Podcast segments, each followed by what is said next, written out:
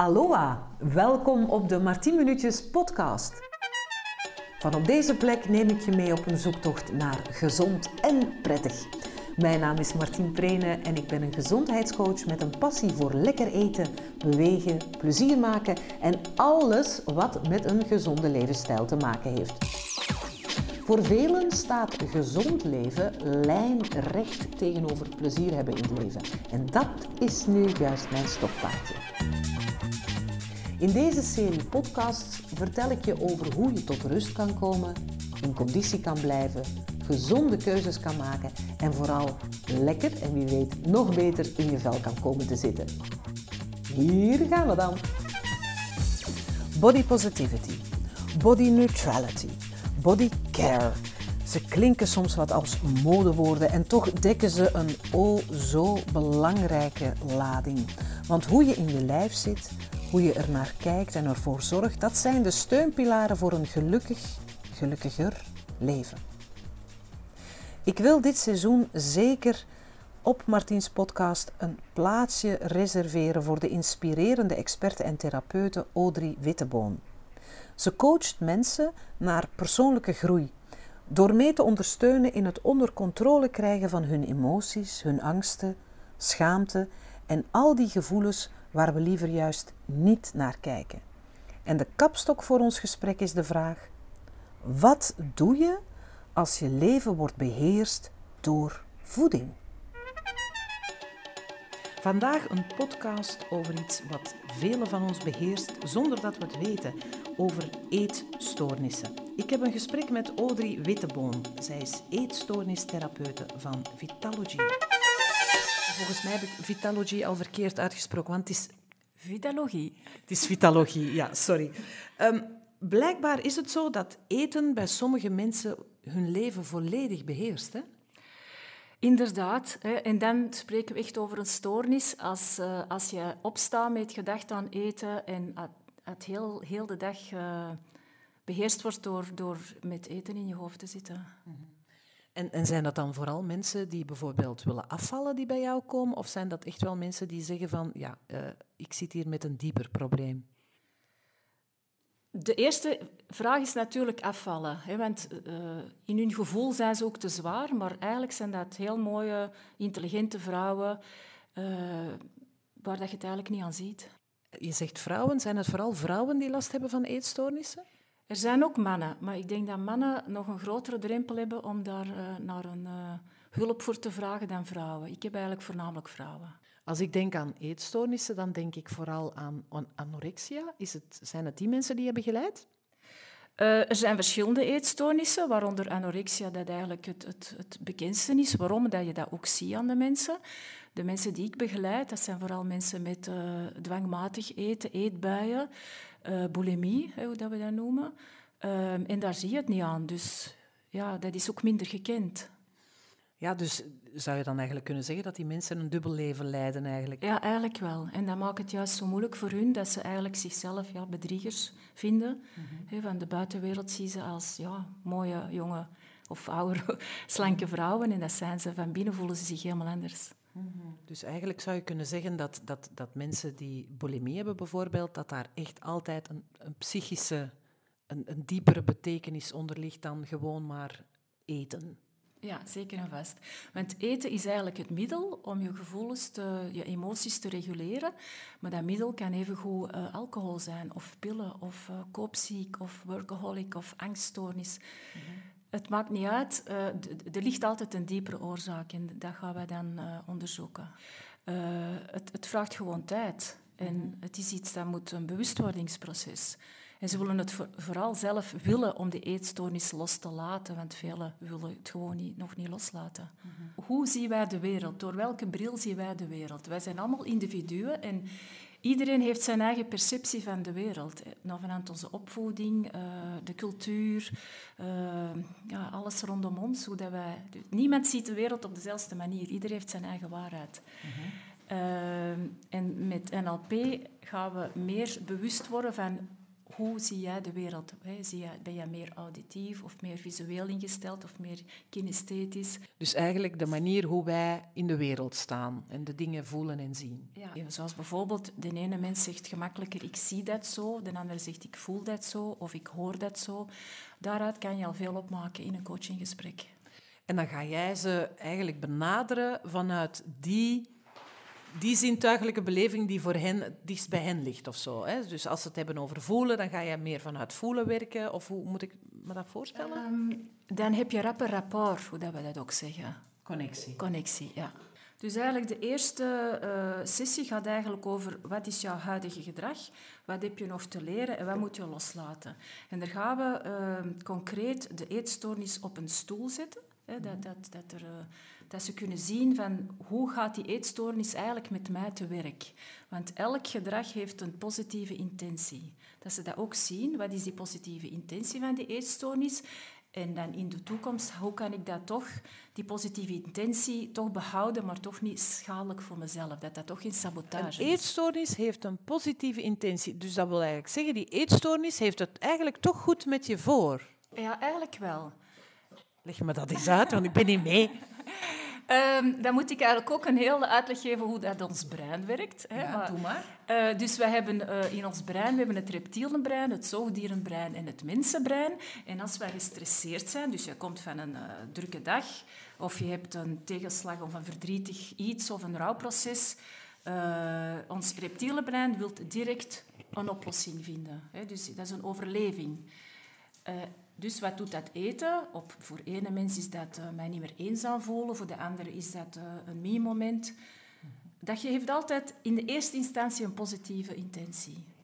Ah ja, ik snap het. Dus ik voel me verdrietig en ik eet iets. Dat is bij mij zo. Als ik me niet zo lekker voel, dan ga ik eten. Maar eigenlijk is dat eten is dan mijn troost. Dat is een soort troost, ja. Maar als dat dan echt een patroon wordt van elke keer dat je een gevoel of een emotie voelt dat, dat je daarvoor moet eten, dat, dat de emotie moet reguleren, dan wil je eigenlijk niet voelen naar de pijn gaan. Mhm. En dan noemen we het echt wel een eetstoornis. Oké, en je hebt het over die leren loslaten. ik, ik denk dan, laat die dan maar op die stoel zitten, maar zo werkt het waarschijnlijk niet, hè? Maar het is toch wel uh, een beetje ja, metafoor hoe dat je het nu wel zegt. Mhm. Want heel veel uh, klanten van mij zien dat echt. Hè, je ziet dat echt concreet en dat blijft wel bij.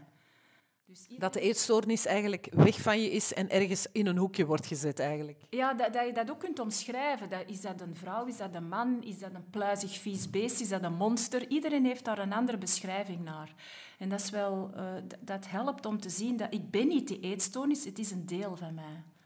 Nou ja, ik ben mee. Bij mij zou dat denk ik een pluizig vies dingetje zijn. Met vooral heel veel karamelachtige smaken. maar ehm, ik kan me voorstellen dat dat, dat, dat uh, wel een bevrijding is voor sommige mensen. En hoe ga je dan verder? Uh, het tweede is natuurlijk onze doel stellen. We moeten weten naar waar gaan we. Dat is heel belangrijk. Mm -hmm. Dat motiveert ook. Van, naar waar gaan we, maar waar lopen we ook weg van? Dat dat ook in evenwicht is.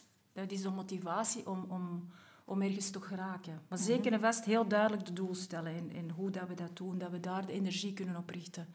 Mhm. De focus. Dus het is eigenlijk altijd zo dat een eetstoornis een dieper psychologisch lijden is? Het is ontstaan als een overleving. Op dat moment was het nog geen lijden, dan was het eigenlijk een overleving, een, een middel uh, wat, wat, de persoon toen zag als jonge, jonge zelf, uh, jonge ik. Van, uh, dat is mijn overleving op, op die moment. Maar dat dragen ze nog altijd mee als volwassenen. Mm-hmm. waar dat je nu wel andere vaardigheden hebt om met die emotie om te gaan. Maar de persoon zelf ziet dat op dat moment nog niet. Mm-hmm. Dus daardoor hebben we die bewustwording processen nodig, persoonlijke groei, voor te laten zien. Je hebt vaardigheden om daar anders mee om te gaan. Mhm. Om niet jezelf te saboteren en je naar de grond te richten. Dan moet je eigenlijk echt letterlijk mensen mee repareren. Uh, ja, repareren, uh, dat doen ze zelf. Hè. Ik, ik mhm. begeleid alleen maar. Hè. Mhm. Maar door, uh, door ze terug te, te laten gaan naar, naar waar het is ontstaan, hè, de trigger terug te gaan zoeken, mhm. gaat dat voor, voor hun heel veel inzicht geven. En door dat inzicht gaat ook de emotionele lading er wat af.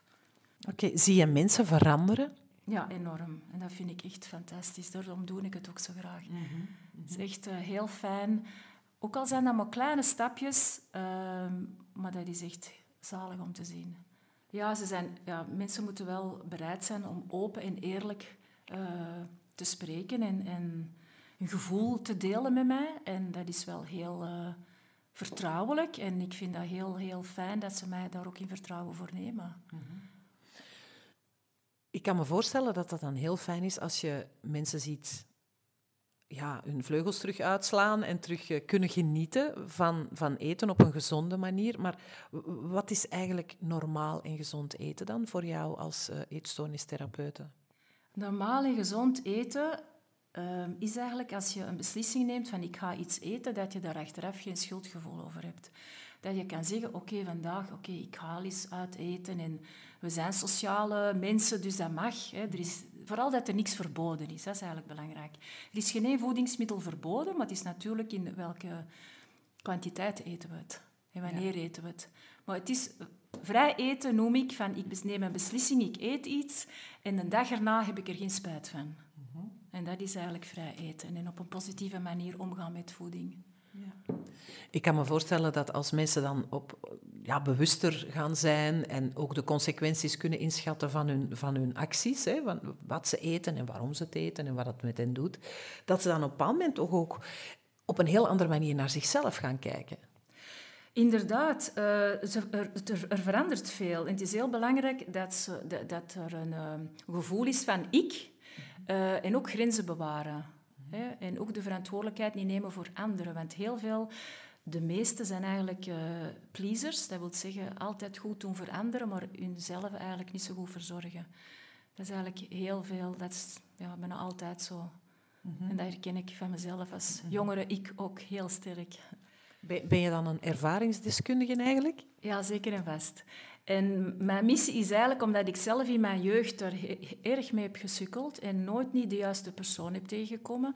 Eh, ze gingen dan met mij naar een ehm, psychologe of een, eh, een diëtiste, alleen meestal diëtiste.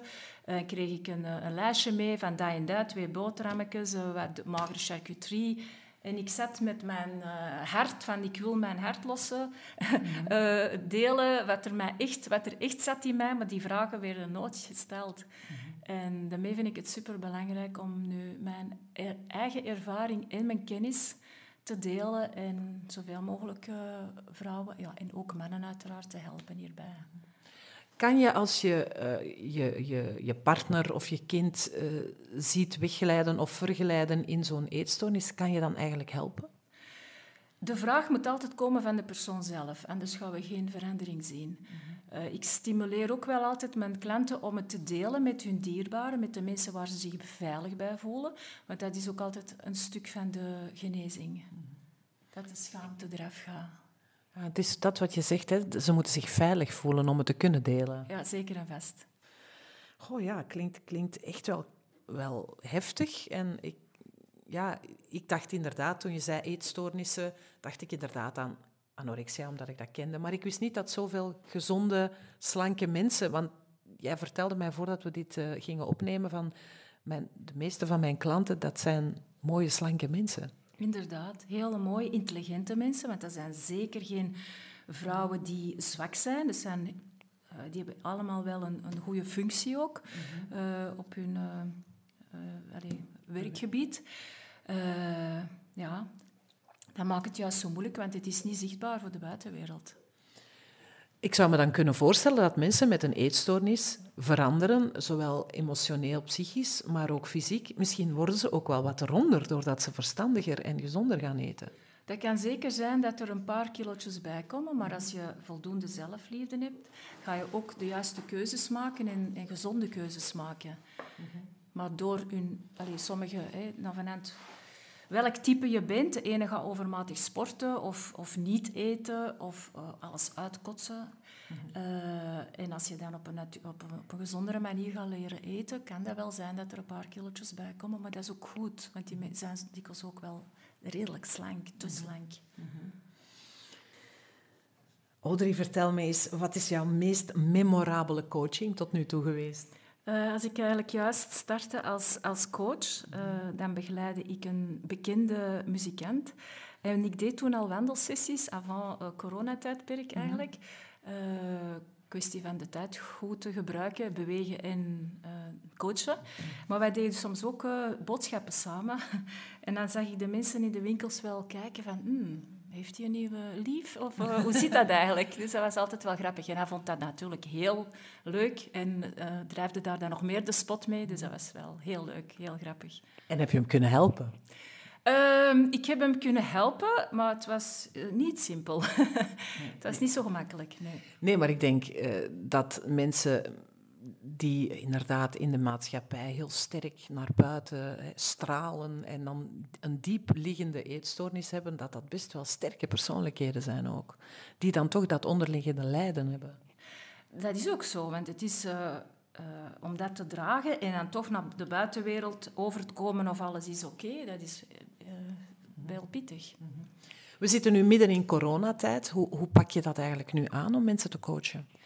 We blijven contact houden, hè, dus dat is uh, zeker en vast. En de mensen die bij mij gestart zijn voor corona, doen we nu online sessies, Zoom-sessies. Het mhm. is natuurlijk niet hetzelfde effect, maar ondertussen blijven we wel contact houden. Ik, heb niet de, ik wil ze niet loslaten en terug van het begin moeten beginnen. Mhm, mhm. Dus uh, we gaan gewoon verder, maar dan wel uh, corona-proof.